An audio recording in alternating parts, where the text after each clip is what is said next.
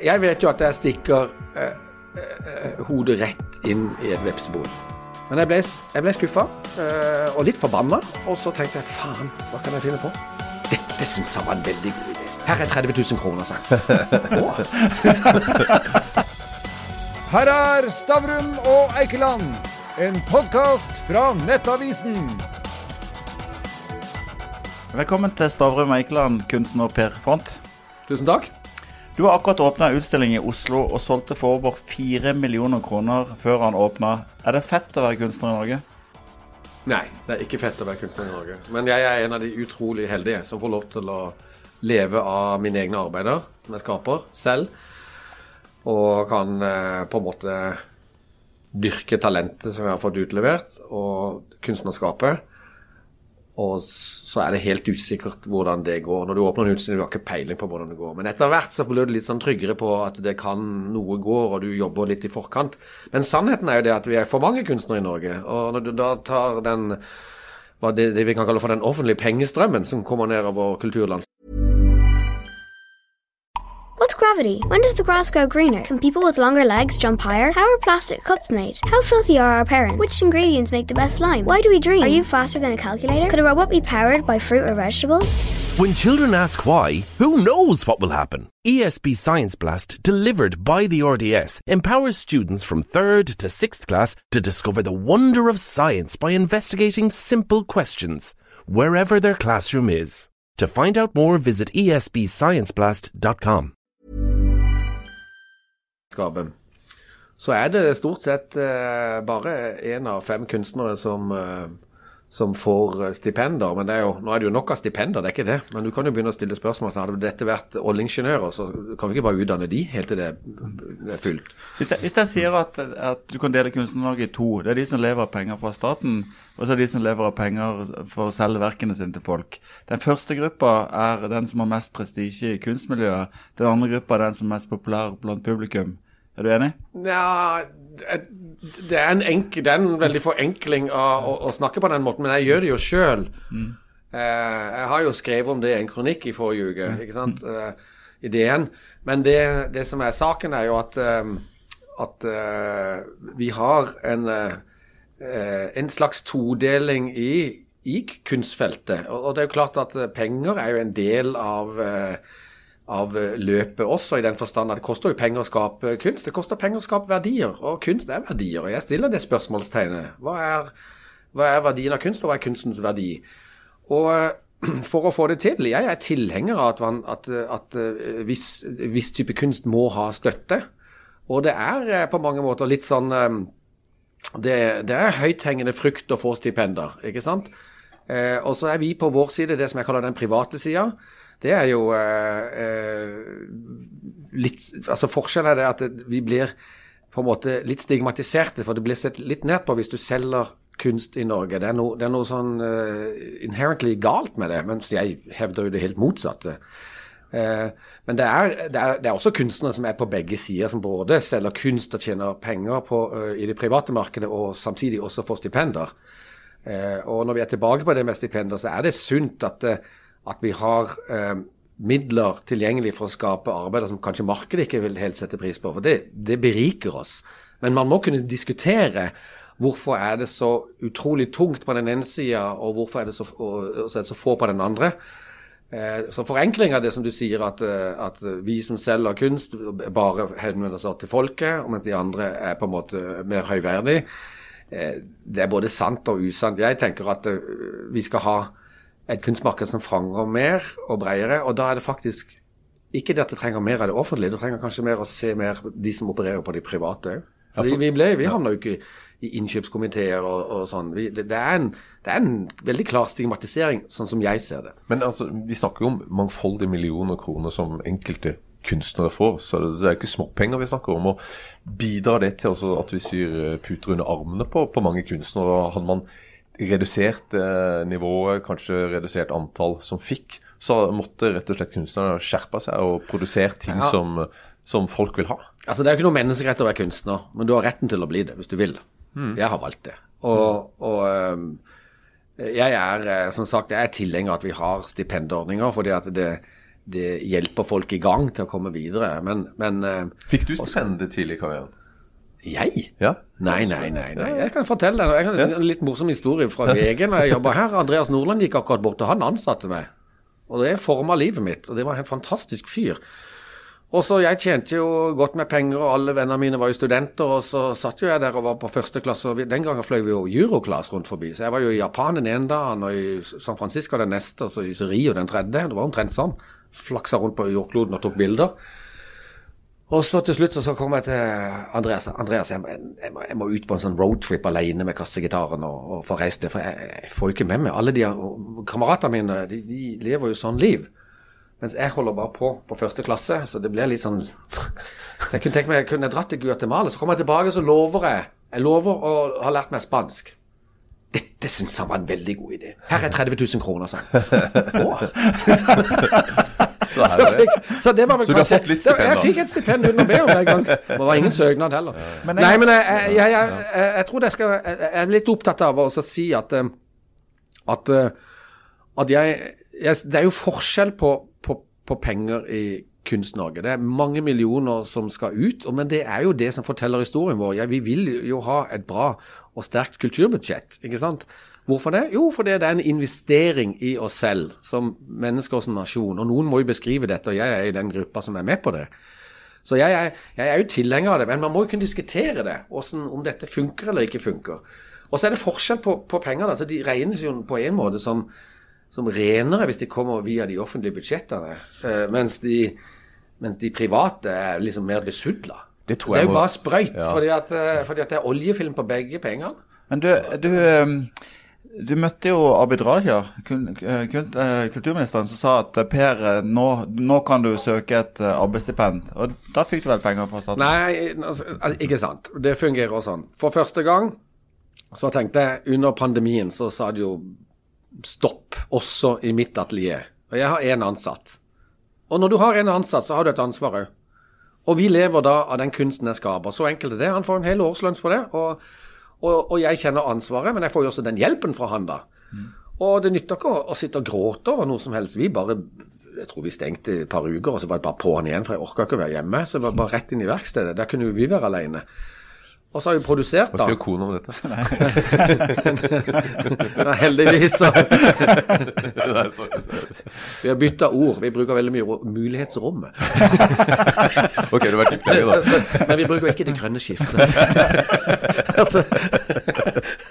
men, men da kan jeg miste jeg tråden her. Jo, Ja, eh, tilbake igjen til den tiden der. Da, da eh, eh, søkte Da ble jeg oppfordra til å søke stipend. Og da søkte jeg noe som heter arbeidsstipend. Jeg vet ikke hvordan folk oppfatter hva, hvordan det fungerer i, kunstliv, men det er mange stipender du som kunstner kan søke på. Du kan søke på arbeidsstipend og prosjektstøtte litt sånn forskjellig. Og for å ta det litt enkelt. Jeg selger mine kunstverk. Ikke sant? Hver gang noen kjøper et kunstverk i et galleri over 2000 kroner, så går 5% til et fond, Bildende kunstners hjelpefond. De pengene går inn der og møter penger fra staten. De pengene blir fordelt ned gjennom kunstnerorganisasjoner inn til, inn til stipendkomiteer, og som da blir fordelt ut på prosjekter som folk søker på. Det kan jeg søke på. Det kan være et prosjekt. Det, og det er interessant, for det er mye, mye spennende som kommer ut av det. Som kanskje ikke det private næringslivet vil ha noe interesse av å hjelpe. Så det er det jeg mener med investeringer. Det må vi tåle. Vi, vi, vi vil ha vanskelige ting òg, ikke bare lette ting. Mener, det, må, det ble litt sånn som John F. Kennedy. Som, som jeg traff jo han tale, han Søren Sørensen. Så Han greide jo å skrive følgende. ikke sant? Altså, Vi skal jo til månen ikke fordi det er lett, men fordi det er vanskelig. Så det må vi tåle. ikke sant? I 61, og så ni år senere så landa de jo der. Hevda de. Å, du er der. Ok, greit. Altså, Du er den slags kunstner, ja. Ok, greit. Nei, men så søkte du et Ja, så, nei, så tenkte jeg Vet du hva? Så satt jeg og diskuterte veldig mye med meg sjøl. Skal jeg gjøre det nå? Ja, så tok jeg og søkte. Og jeg søkte med et veldig bra prosjekt som jeg tenkte om makt og politikk.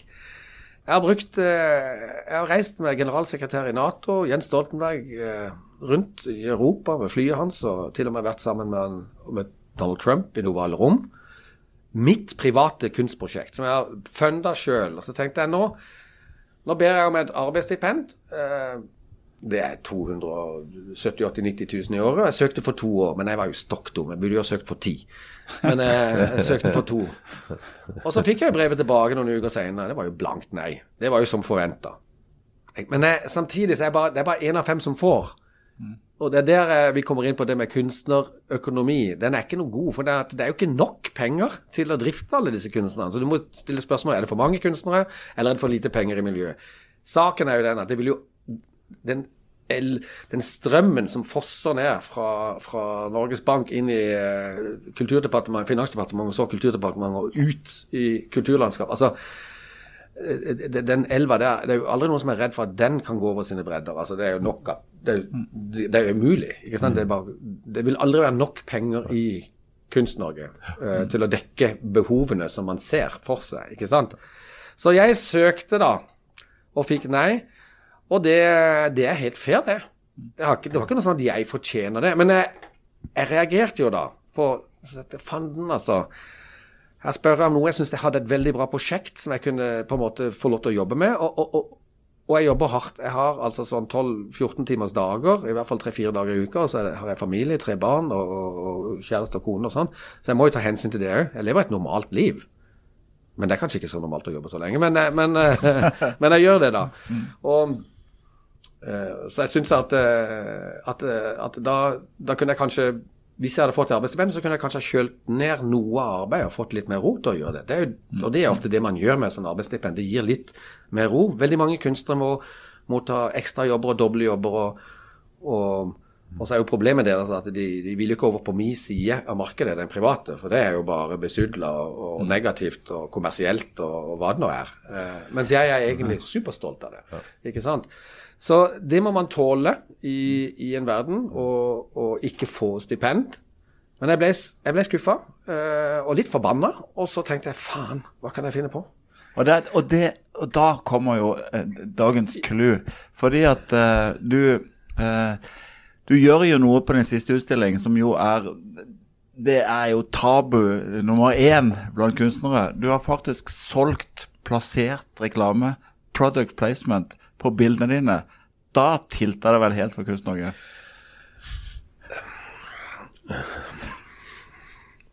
Jeg vet ikke, jeg føler meg litt sånn litt naughty.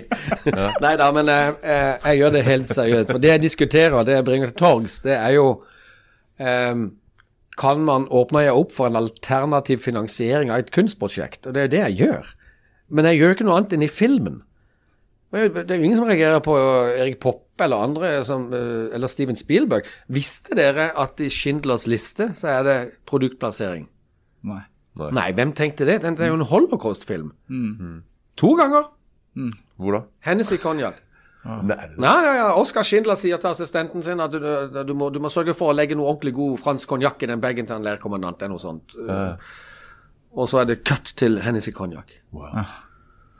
Jeg liker ikke konjakk, så jeg har fått André Chloé, champagnehuset i Frankrike, med på dette. her. Og de leverte champagne til Marie Antoinette i 1870. Og er til og med de som oppfant pink champagne. Så det er jo en produktplassering som jeg har fått med meg. det. Så det er bare bra navn, da. Så det jeg har gjort, er at jeg har eh, henvendt meg til uh, firmaer um, som jeg syns har verdier som uh, jeg både kan leve opp til, og som er inspirerende. Eh, og de, det, Om de er innovative eller tradisjonsbærere, om de er i eh, transisjon, altså de er mellom to punkter, de må, de må, de må tenke nytt. Eh, da, da, og at de er framtidsretta. Og holdt jeg på å si miljøbevisste uten å trekke for tungt i det, men jeg syns det er interessant. Fordi at vi mennesker, vi må vi lever med og i naturen og er natur, og vi må forholde oss til hvordan vi forvalter den. Så jeg har fått med meg um, CM Offshore, jeg har fått med meg eh, Møller Mobility Group. Jeg har fått med meg Swims. Jeg har fått med meg Norøna. Og jeg har fått med meg eh, André Clouet champagne fra Frankrike. Så det er litt internasjonalt. Og de, ja. de tar jeg Jeg sender faktura til de for at de ja. er med i disse bildene. Ja, ja. Men da, da, må jeg nesten spørre. altså Du solgte nå første dag eh, for fire millioner. Kanskje totalt sett så ender du opp på mellom seks og åtte for hele den utstillinga som, som, er nå. Men, men, det jeg lurer på da, vi er jo en pengefinansnæringspod. Uh, hvor mye får du da? Du har jo sendt regninger til disse fem. Hvor, ja, det, mye ekstra, det, det, hvor mye ekstra får du? Nei, det, vil jeg ikke si noe om. Men er det bra? er, det bra? er det godt betalt? Nei, jeg syns det er fornuftige priser. Ja, Men er det, er det som Men, et arbeidsstipend? nå, nå er vi inne på feltet diskretesse. Men la oss, la oss nei, men det er litt Ja. interessant det der. For at eh, jeg vet jo at jeg stikker uh, uh, hodet rett inn i et vepsebol. Det sier seg sjøl. Det er utfordrende, men ikke noe mer utfordrende enn at når det er i filmen, så er det akseptert.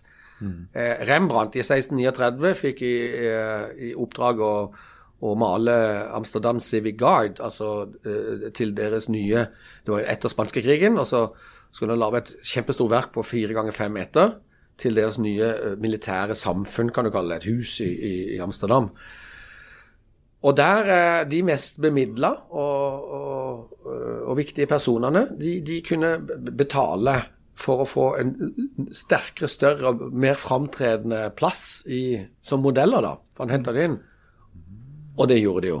De betalte jo for det. Men det er jo da Vanity Fair, altså forfengelighetens marked, kan du si. Men en form for plassering i kunstverket, ikke sant? Du bare følger Rembrandt. Det Nei, ja, det kan du si. Jeg, jeg gjør det, men jeg, altså, Caravaggio alle de har jo fått betalt for, å- for å sette inn, og de plasserer jo kanskje kardinaler og alt mulig på kirkebenkene bak i bildet. og det, det, Så du kan diskutere veldig mye rundt det. Det jeg gjør, er jo at jeg tar egentlig bladet fra munnen og sier kan jeg gjøre dette inn i kunsten? Og så diskuterer jeg hva er hva er eh, verdien av kunst, og hva er kunstens verdi? ikke sant? Og eh, jeg vil jo at det skal være litt problematisk.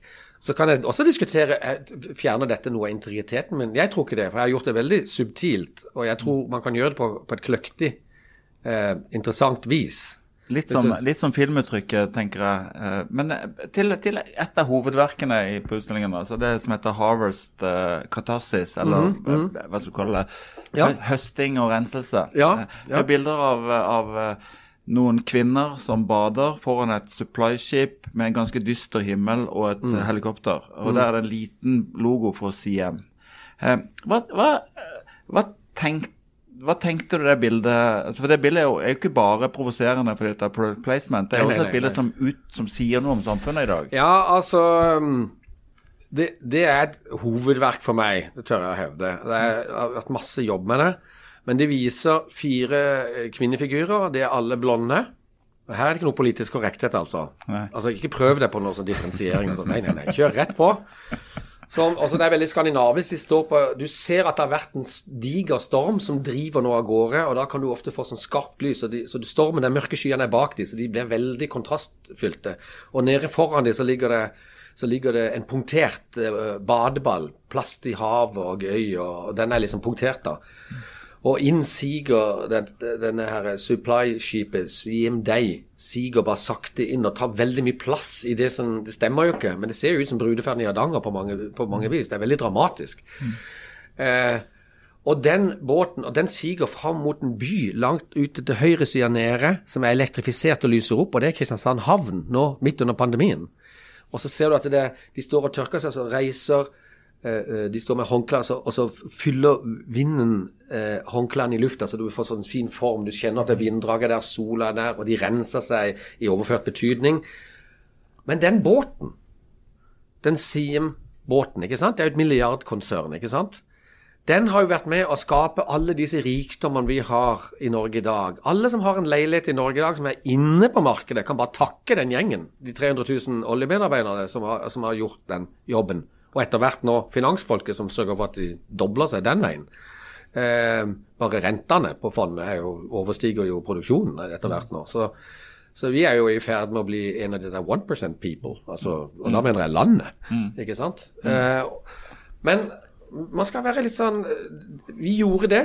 Eh, Vi har utvikla olje og all den teknologien og den kompetansen eh, fordi vi har trodd på at det var det riktige å gjøre, også for å bygge landet. Og Det gir fri utdanning og alle de, alle de nettverkene og sikkerhetsnettene vi har i landet, alle de pengene som kunstnerne får, har direkte link til, til et sugerør ned i jordskorpa. Opp med den, raffinere den, selge den på markedet, og så kommer penger på kontoen til den norske bank og, og Finansdepartementet. Nå er den båten også med. Den har vært en del av problemet. De er også inne i olja ennå, det skal de være en god del år. Men de har begynt å bygge om de båtene. Siem Offshore er nå med på havvind.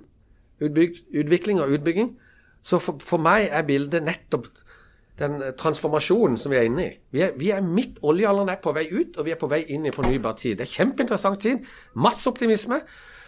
Og jeg vil vise det. Jeg syns det er interessant å trekke det elementet inn i, i, i det som kan være ganske sånn vakkert og estetisk kunstverk. Men, men jeg er ikke redd for å trekke inn politikk eh, eh, eller, eller trekke inn politiske spørsmål subtilt inn i verkene mine. Så, så derfor mener jeg at det er et viktig verk fra min side, som, som fanger tiden på en måte. Da. Hvor stort er det? Det er Det, det er tre meter ganger 2,20. og, og, og hvis jeg ønsker å ha det på veggen hjemme hva- Ja, nå er det ikke sånn at det var på, Her har du det? en ganske morsom sak. For en av de aller, aller, aller aller viktigste Det, det er ikke noe særlig over de. Aktørene, offentlige aktører, tinga det bildet i ett døgn for de ville kjøpe det. Det koster 400 000. Og så satt de og tygde og tenkte på dette. Hva gjør vi her? Og så landa de på at eh, dette kan vi ikke gjøre, det er for kontroversielt. Nei. Og bang, sa det. Da kjøpte jo noen andre noen mindre versjoner, noen eh, samlere. Bang, rett på. For nå begynner det bildet å få en prominens. Ja. Det får en er historie til seg. Nei, det er jo Lada. Det er jo så Lada som det kan få blitt. Men Så jeg fortsatt håper jo jeg håper at jeg får plassert det i en offentlig samling, for det fortjener det. Jeg er ikke redd for å si det engang lenger. Jeg har, holdt, jeg har stått så stille i døra. Men, nå er jeg så lei av det. Ja, men, bare, men finnes, er, det, er dette unikt? Det fins bare det ene bildet av den I den størrelsen? størrelsen, ja, det er jo det. Riktig, og det vil være Ok, så, og det koster 400 000. Men du lager da Bare så jeg forstår litt hvordan det funker, så lager du mindre bilder med Altså samme bilde, bare i mild mindre Ja, så gjør jeg noen forandringer på det. Altså når Ja. du først Når du først lager eh, eh, når, du først, når jeg først greier og makter å løfte sånn et, et sånt verk, så kan jeg lage noen mindre versjoner som er litt forandra. For jeg har aldri lagd det samme en gang til. Men det gjør jeg jo også for å, for å på en måte to, altså, tre ganger to meter stort bilde. Du tar det jo ikke akkurat med deg på sparkesykkelen. Så, så, så, så, så jeg gjør det jo for å vise hva jeg kan få til, og hva jeg vil si. Så der ligger det veldig sånn potent at dette er hovedverket på utstillingen. Dette er noe som vil fortelle noe om vår tid. Jeg er skikkelig stolt av det. Og så lager jeg mindre ting som også treffer et annet prissegment. Helt naturlig. Du kommer ned i kanskje uh, bilder som koster 170 000, som er masse penger, og kanskje mindre hvis jeg vil det. Det gjør jeg jo for å, ha, for å få en sånn form for balanse i hvordan, hva skal jeg leve av dette. her. Det er jo også trygt. Det er jo unge studenter som kommer og vil ha sitt første per front-bilde. Og jeg er jo også en brand. Jeg har jobba med dette i årevis. Jeg har bygd opp en brand jeg vil, på samme måte som Swims. Når du ser et av mine bilder, så skal du aldri være i tvil. og Du skal aldri stille spørsmålet 'Det minner meg om'. Det er Det er. Og da er jeg tilbake igjen til den der scenen i, eh, i hva heter det, Social Network, hvor han Justin Timberlake kommer inn. Og så diskuterer de hva det skal hete, The Facebook. Og så går han ut av restauranten, og så kommer han tilbake igjen. Mm -mm. Ikke The Facebook. Facebook. Altså sånn jeg synes, Ja, men jeg har tenkt på det. Jeg syns den er litt kul. Så eh, det er mulig jeg snakker meg litt vekk her, men, men som kunstner, sånn som jeg jobber, og jeg jobber med de beste folkene jeg kan Det er ingen som Det aller viktigste du kan gjøre i livet, er å jobbe med folk som er langt bedre enn deg sjøl. Du kan i hvert fall begynne der. Da lærer du i hvert fall noe underveis. Ole, Ole gjør det. Det, det er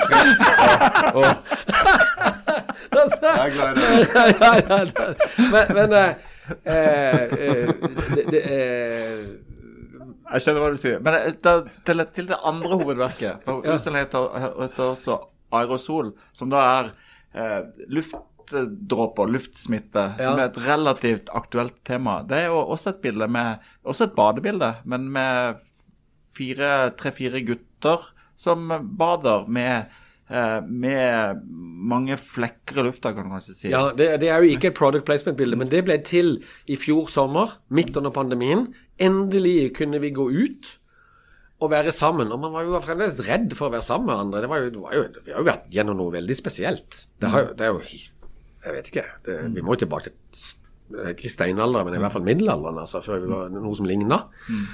Hvor man var redde for å møte folk. Sant? Og dette er jo hele verdensfamilien har jo vært med på dette prosjektet. ikke sant? Og så, så da lagde jeg det verket, og da ser du tre gutter som nesten står sammen i et sånn sommerlys. Det er helt sånn hverdagslig og nesten insignifikant på et vis. Det, det er liksom ikke et spesielt øyeblikk. Det kunne vært any, any moment i en barndom. Men i lufta så er det masse hvite prikker som flyr over de og gjennom de og inni de, og det er jo tenkt på som Jeg har jo tenkt på det som eh, er det, er det aerosol? Det er jo det ordet. Det var et ord jeg ikke brukte før vi hørte om covid. ikke sant? Ting som var i lufta. Er det drømmer? Er det, er det ildfluer? Er det, er, det, er det energipunkter, eller noe sånt? Så det er, jo et, det er jo et verk som ikke har noe product placentness i seg. For da må vi over på et annet verk som heter Mobility Groups, hvor Møller Mobility Group er på en måte inspirasjon for verket. Det kan jeg komme inn på. Men jeg, jeg tror det som denne utstillinga forsøker å få til, det er at, eh, at når jeg kom ut nå Vi utsatte utstillinga to ganger. Og så kom jeg ut nå og så sa jeg, nå kjører vi. Og vi kjører på ettersommeren og vi bare dundrer på med all den krafta vi kan. Og jeg gjør det med all den krafta jeg kan. Jeg har bare vært opptatt av én ting. Og, og på en måte komme til torgs med masse positivitet, masse livskraft, masse, masse voksende energi. Og så legger jeg inn dette lille product placement-steinen i skoen her for å diskutere kunst og kunstens verdi, som vi snakker om. Men i all hovedsak så, så er no, jeg føler at jeg er med på å åpne opp landet igjen og, og livene våre litt igjen. Med at vi kan gå på kunstutstillinger igjen, vi kan gå på konserter, vi kan, vi kan oppleve ting sammen. Jo da, vi får noen smitteutbrudd her og der. De skal vi greie å ta oss av. Men uh, tallene er på vår side nå, tror vi. Eh, og det kjennes, ja, vi satser på det. Men det, det kjennes sånn ut, da. Og, og det, er- det er viktig for meg. da. Men, én ting, vi har jo ikke vært innom altså, For du har jo en spesiell teknikk. Eh. Ikke sant? Det er verken foto, og det er ikke eh, male, malegreier. Altså, bare, kan du fortelle litt om hvordan du Ja, altså, jeg er vel Jeg pleier å Jeg er nok en pioner på mitt felt, og, så jeg har verken venner, holdt jeg på å si, blant malere eller fotografer, liksom. Sånn, så.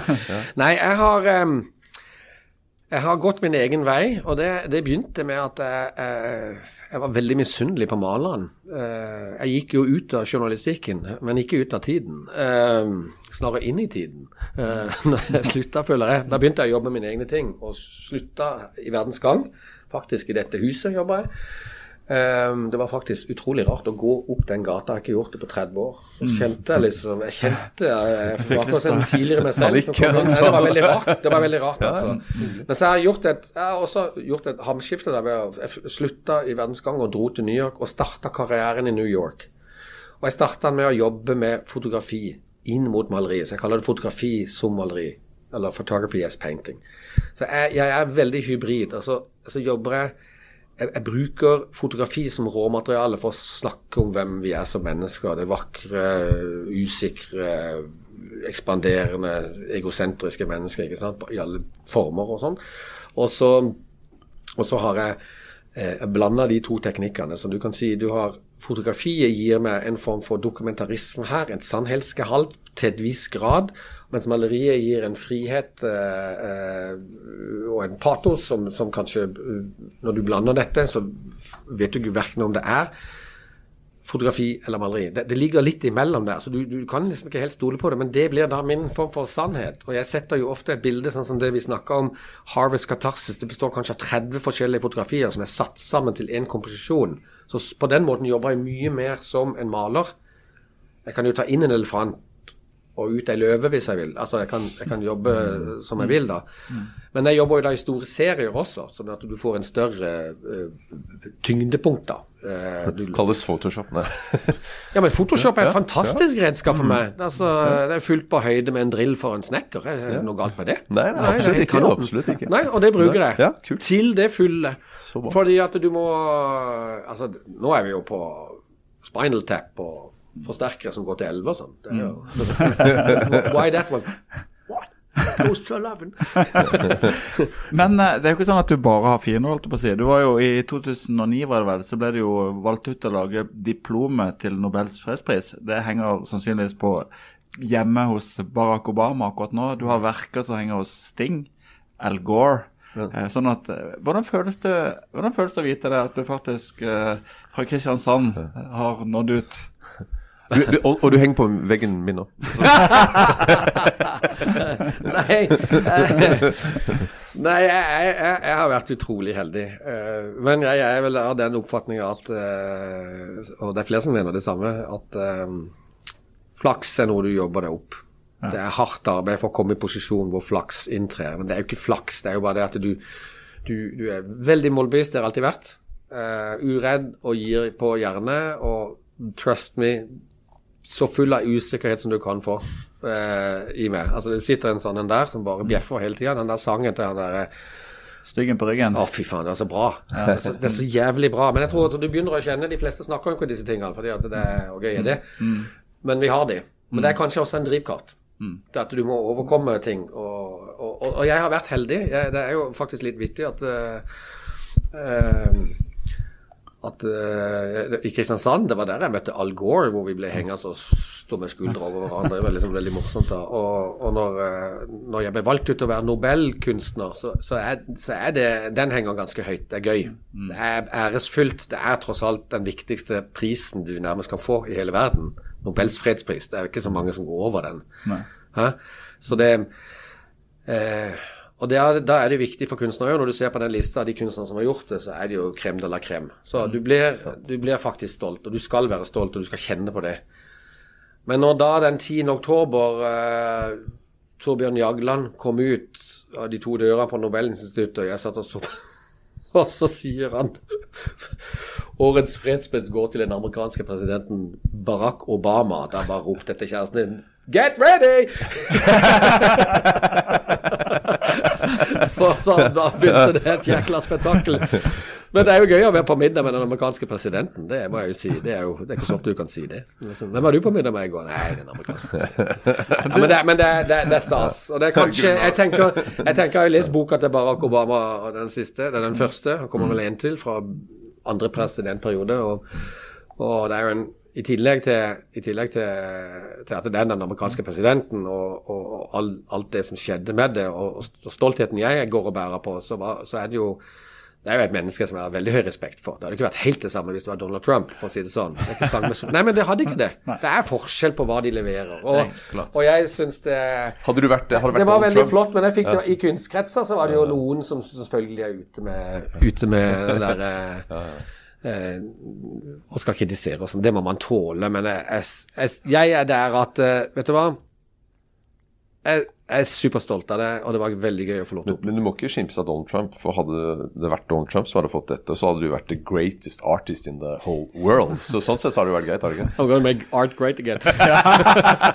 Men det er til og mer alvorlig. I sommer så har jo eh, Kunst-Norge vært i en utrolig heftig diskusjon som går på forholdet mellom ytringsfrihet, retten til å kritisere kunstnere, Sløseriombudsmannen, no platforming. Hvordan leser du den debatten? Det er helt sykt. Det er så trist at vi har havna der. Og det er egentlig så er det det at det er friheten som gjør at den, den Når friheten får for mye rom, så begynner den å kvele. At du, alle kan si alle, og til slutt så kveler han seg sjøl. Så det, det, det, folk tør ikke De er jo redde for selve debatten nå. Det er jo det som er blitt så galt. Altså Selve det å diskutere er jo nesten blitt det gale. Og det er en god del kunstnere som har misforstått her. Vi må jo tåle motstanders meninger. Altså Jeg syns at han dette prosjektet til han sløseriombudsmannen er kanskje noe av det mest interessante som har skjedd på kulturfronten på årevis. Fordi kulturjournalister har jo bare stukket til skogs. Ingen som ser de lenger. Og de er, nei, men de er ikke her. Og de diskuterer Hadde, hadde, hadde man man, man går etter finansfolket med Panama Papers og med lys og lykte, men det er ingen som gjør, ser på de pengene som de flyter rundt i Kultur-Norge, og det gjorde han. Han har gjort den jobben kulturjournalister skulle ha gjort, og så får han kjeft for det. Jeg er ikke enig i metodene, men vi som er i dette feltet, må jo tåle at, at, at de prosjektene som får offentlige tilskudd, eh, blir eh, ettergått og blir eventuelt kritisert, men i hvert fall belyst. Du kan ikke si at det, det er feil. Det er ganske drøyt et teaterstykke å begynne å filme hjemme hos en finansminister. Det, hvis ikke man skjønner at det er litt sånn tett på. Men du kan gjøre det fordi det er mulig. Jeg kan lage product placement fordi det er mulig. Jeg kan gå opp til fjellet fordi det er mulig. ikke sant? Um, Men er du, har, til, til, til selve det, den tiden vi lever i nå, hvor det på en måte er blitt så jækla mange beinharde tabuer Hvis du på en måte gjør ting som ikke er politisk korrekt, eller, så, så kan du jo nesten bli svartlista. Det har jo skjedd også med kunstnere. Ja, jeg så det, det var et galleri. Han hadde en person som hadde, hadde uttrykt en form for um, Støtte, til- støtte til kjærestens eh, Ja, opprop, ja. ja og, og dermed mista han jobben. Altså Du blir jo helt svimmel av at det kan bli sånn. Men jeg syns folk er svake. De må tørre å stå i det mer. De riktige som har de posisjonene, og som kan si Vet du hva, dette aksepterer vi. Det vil si at vi aksepterer at det er en annen mening enn den vi liker sjøl. Men man er blitt, man er, blitt rett og slett så redde for å støte at det i seg selv er støtende. Altså det, det er liksom, vi må, vi må rett og slett finne tilbake til oss selv. For, for der har vi virkelig vandra ut på en eh, ja, vi, derfor, Hvis dette er en elv, så har den begynt å renne ut på et jorde og vet ikke helt hvor den skal. Altså Det er bare blitt sånne myrhuller. Eh, så vi må få leda vannet tilbake igjen i en bedre strøm og komme oss ut av det. Jeg jeg håper vi kan få til eh, noen debatter med det. Jeg kan bringe oss til torgs, for jeg syns det er interessant å diskutere pengestrømmene i Kultur-Norge. Det, det, må tåles. Vi kunstnere står ikke overfor noe. Eh, at vi skal være utenfor kritikk, det er jo virkelig bare tull. Så, så uh, jeg tenker at hvis vi skal hente oss inn, så må vi, må vi, tåle å se at andre har meninger som er helt på tvers av seg sjøl. Og vi må tilbake igjen til hvem er det Platon eller Sokrates som forsvarer retten til å si mm. det du vil. Mm. Selv om jeg er helt uenig med det. Mm. Men det er den vi mister litt. Du kommer jo fra selve episenteret, Kristiansand. Der har det jo vært noen helt sinnssvake diskusjoner de siste årene om kunstnere, sosiale medier, politikere. Hva er det som har gjort at den byen har gått totalt bananas i debattkulturen? Eh, ja, Kristiansand er jo en hovedstad. Jeg refererer jo alltid til Kristiansand som Sørlandets hovedstad. Og, og, den har de kvalitetene og, det, og, alt det dårlige som kommer med den òg. Men den er et lite tverrsnitt av en liten europeisk regionby, faktisk. Med, med, med befolkninga på 130 000 og akkurat stor nok til å være liten og akkurat liten nok til å være stor. Også.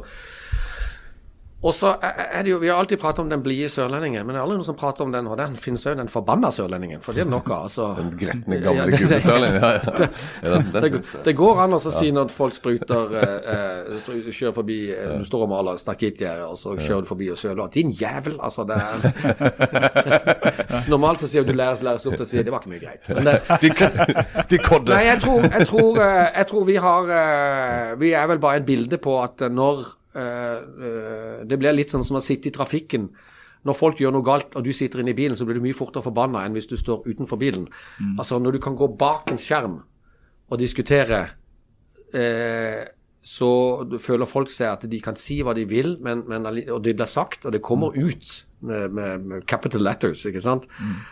Eh, men formen blir utrolig stygg, og i tillegg så har han vært personsjikanerende, og han har, vært, han har vært så drøy.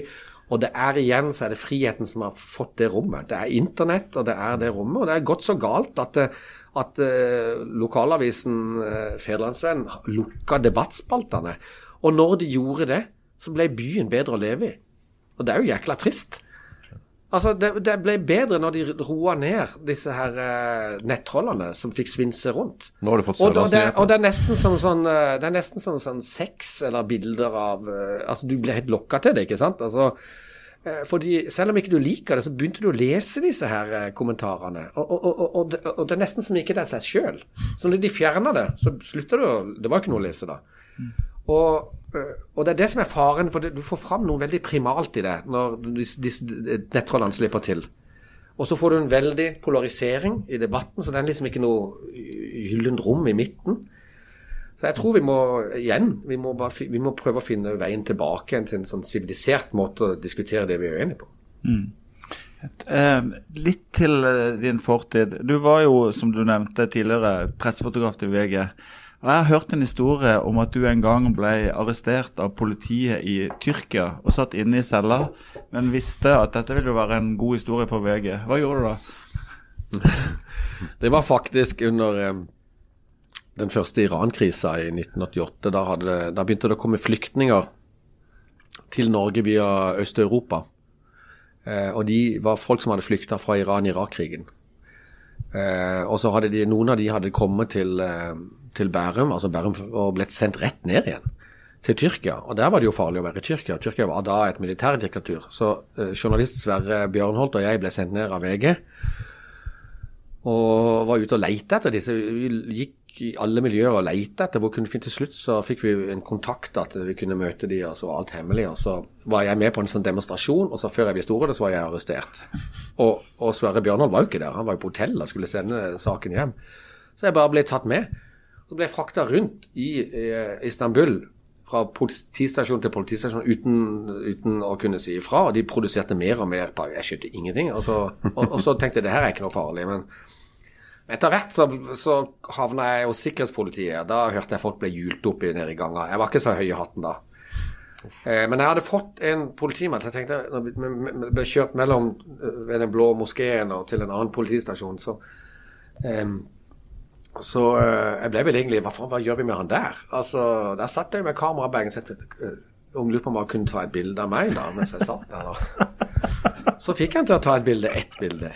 Klikk. Altså sånn med flashen der. Og, og til slutt så forsvant jeg jo. Dette ble, ble jo litt krise, fordi at de, eh, Nina Gram, som var uh, nyhetsredaktør, hun måtte jo ringe til min mor og si at eh, at vi har et lite problem med Per. Altså, ja, først var det jo Mona Røkke var justisminister. Hun forklarte jo at det var ikke noe fare med, med disse her eh, i Tyrkia. Tyrkia var et bra land. Ja, sier du det? Og så var det rett live på Dagsrevyen.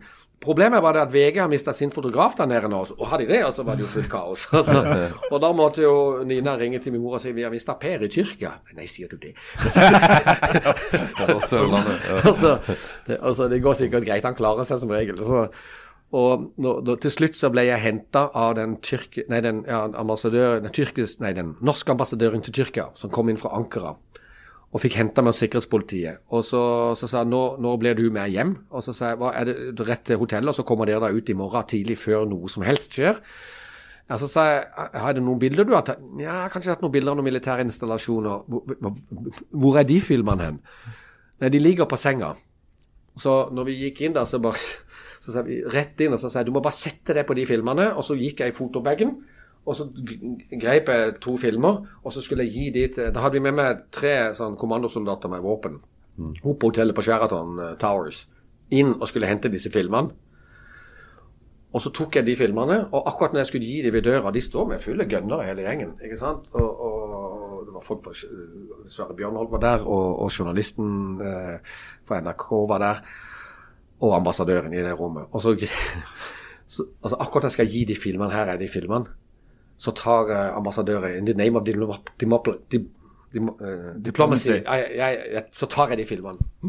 Og jeg kommer tilbake med de i morgen. Så måtte de gå med urforretta sak, da. Og han skulle møte opp dagen etter. Og så lukka vi døra, og så satte vi oss ned og var litt sånn eh, tomme, da. Hva skjedde nå?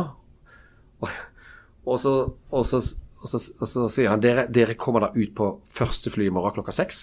Uansett land, bare get out. For ikke, hvis det blir noe mer her, så, så greier ikke jeg å holde det lenger unna. Og, og så her er de filmene. Sånn, sånn, ja, men du ikke vær redd for de filmene. Jeg har bare gitt dem noen blanke filmer. Blanke filmer, sier jeg. Hvorfor det? Nei, de andre sitter han på. De er her, de, så tok jeg disse. og så dro vi ut, da. Men det endte jo med et førstesideoppslag i VG hvor jeg var borte da. Så jeg har en førsteside med meg, bilder av meg på. Foto. Nei, bild, bild, ja, bildet av meg, eh, liksom sånn eh, i, Hele førstesida i VG. Det var ganske spesielt, da. Det, det er heldigvis ikke sånn som skjer. Jeg var nok eh, undervurdert nok situasjonen. Den var mer alvorlig enn jeg trodde. Fikk litt reaksjoner på det i etterkant, faktisk. Eh, fikk, det var, det var en par filmer jeg ikke kunne se, ble ble helt sånn stressa. Jeg kunne ikke se Midnight Blue, eksempel, den filmen. Der fikk jeg helt sånn skjelven. Altså. Det var veldig rart, det. Vi kunne jo vi kunne fortsette samtalen til evig tid, men vi går inn for landing. Men det er bare, du er en multikunstner. Det er bare én karriere som du starta på, som jeg tror de fleste av oss skulle være glad for at ikke du fullførte. Nemlig din opptreden i bandet De Stundesløse. Vi er i gang igjen, vi. det er det. Det er som Knut Nærum sier, han spiller jo i bandet. Det er jo det gamle menn gjør. Spiller i band. Så vi er i gang vi allerede. Vi vi er egentlig booka til Ramledal Live neste år. Vi takka nei til å være oppvarming for Waterboys. Men det var fordi vi syntes ikke vi var gode nok. Så neste år i Kristiansand eh, 2022, da tror jeg jeg er på scenen med De Stundesløse i Ravnedalen Live. Kommer du til å spille hiten eh, 'Vi kramer i hospedalske'? Den er på lista. Jeg vet fremdeles ikke hva den handler om. Men jeg skrev den på gymnaset. Og det sto skrevet på plakaten på veggen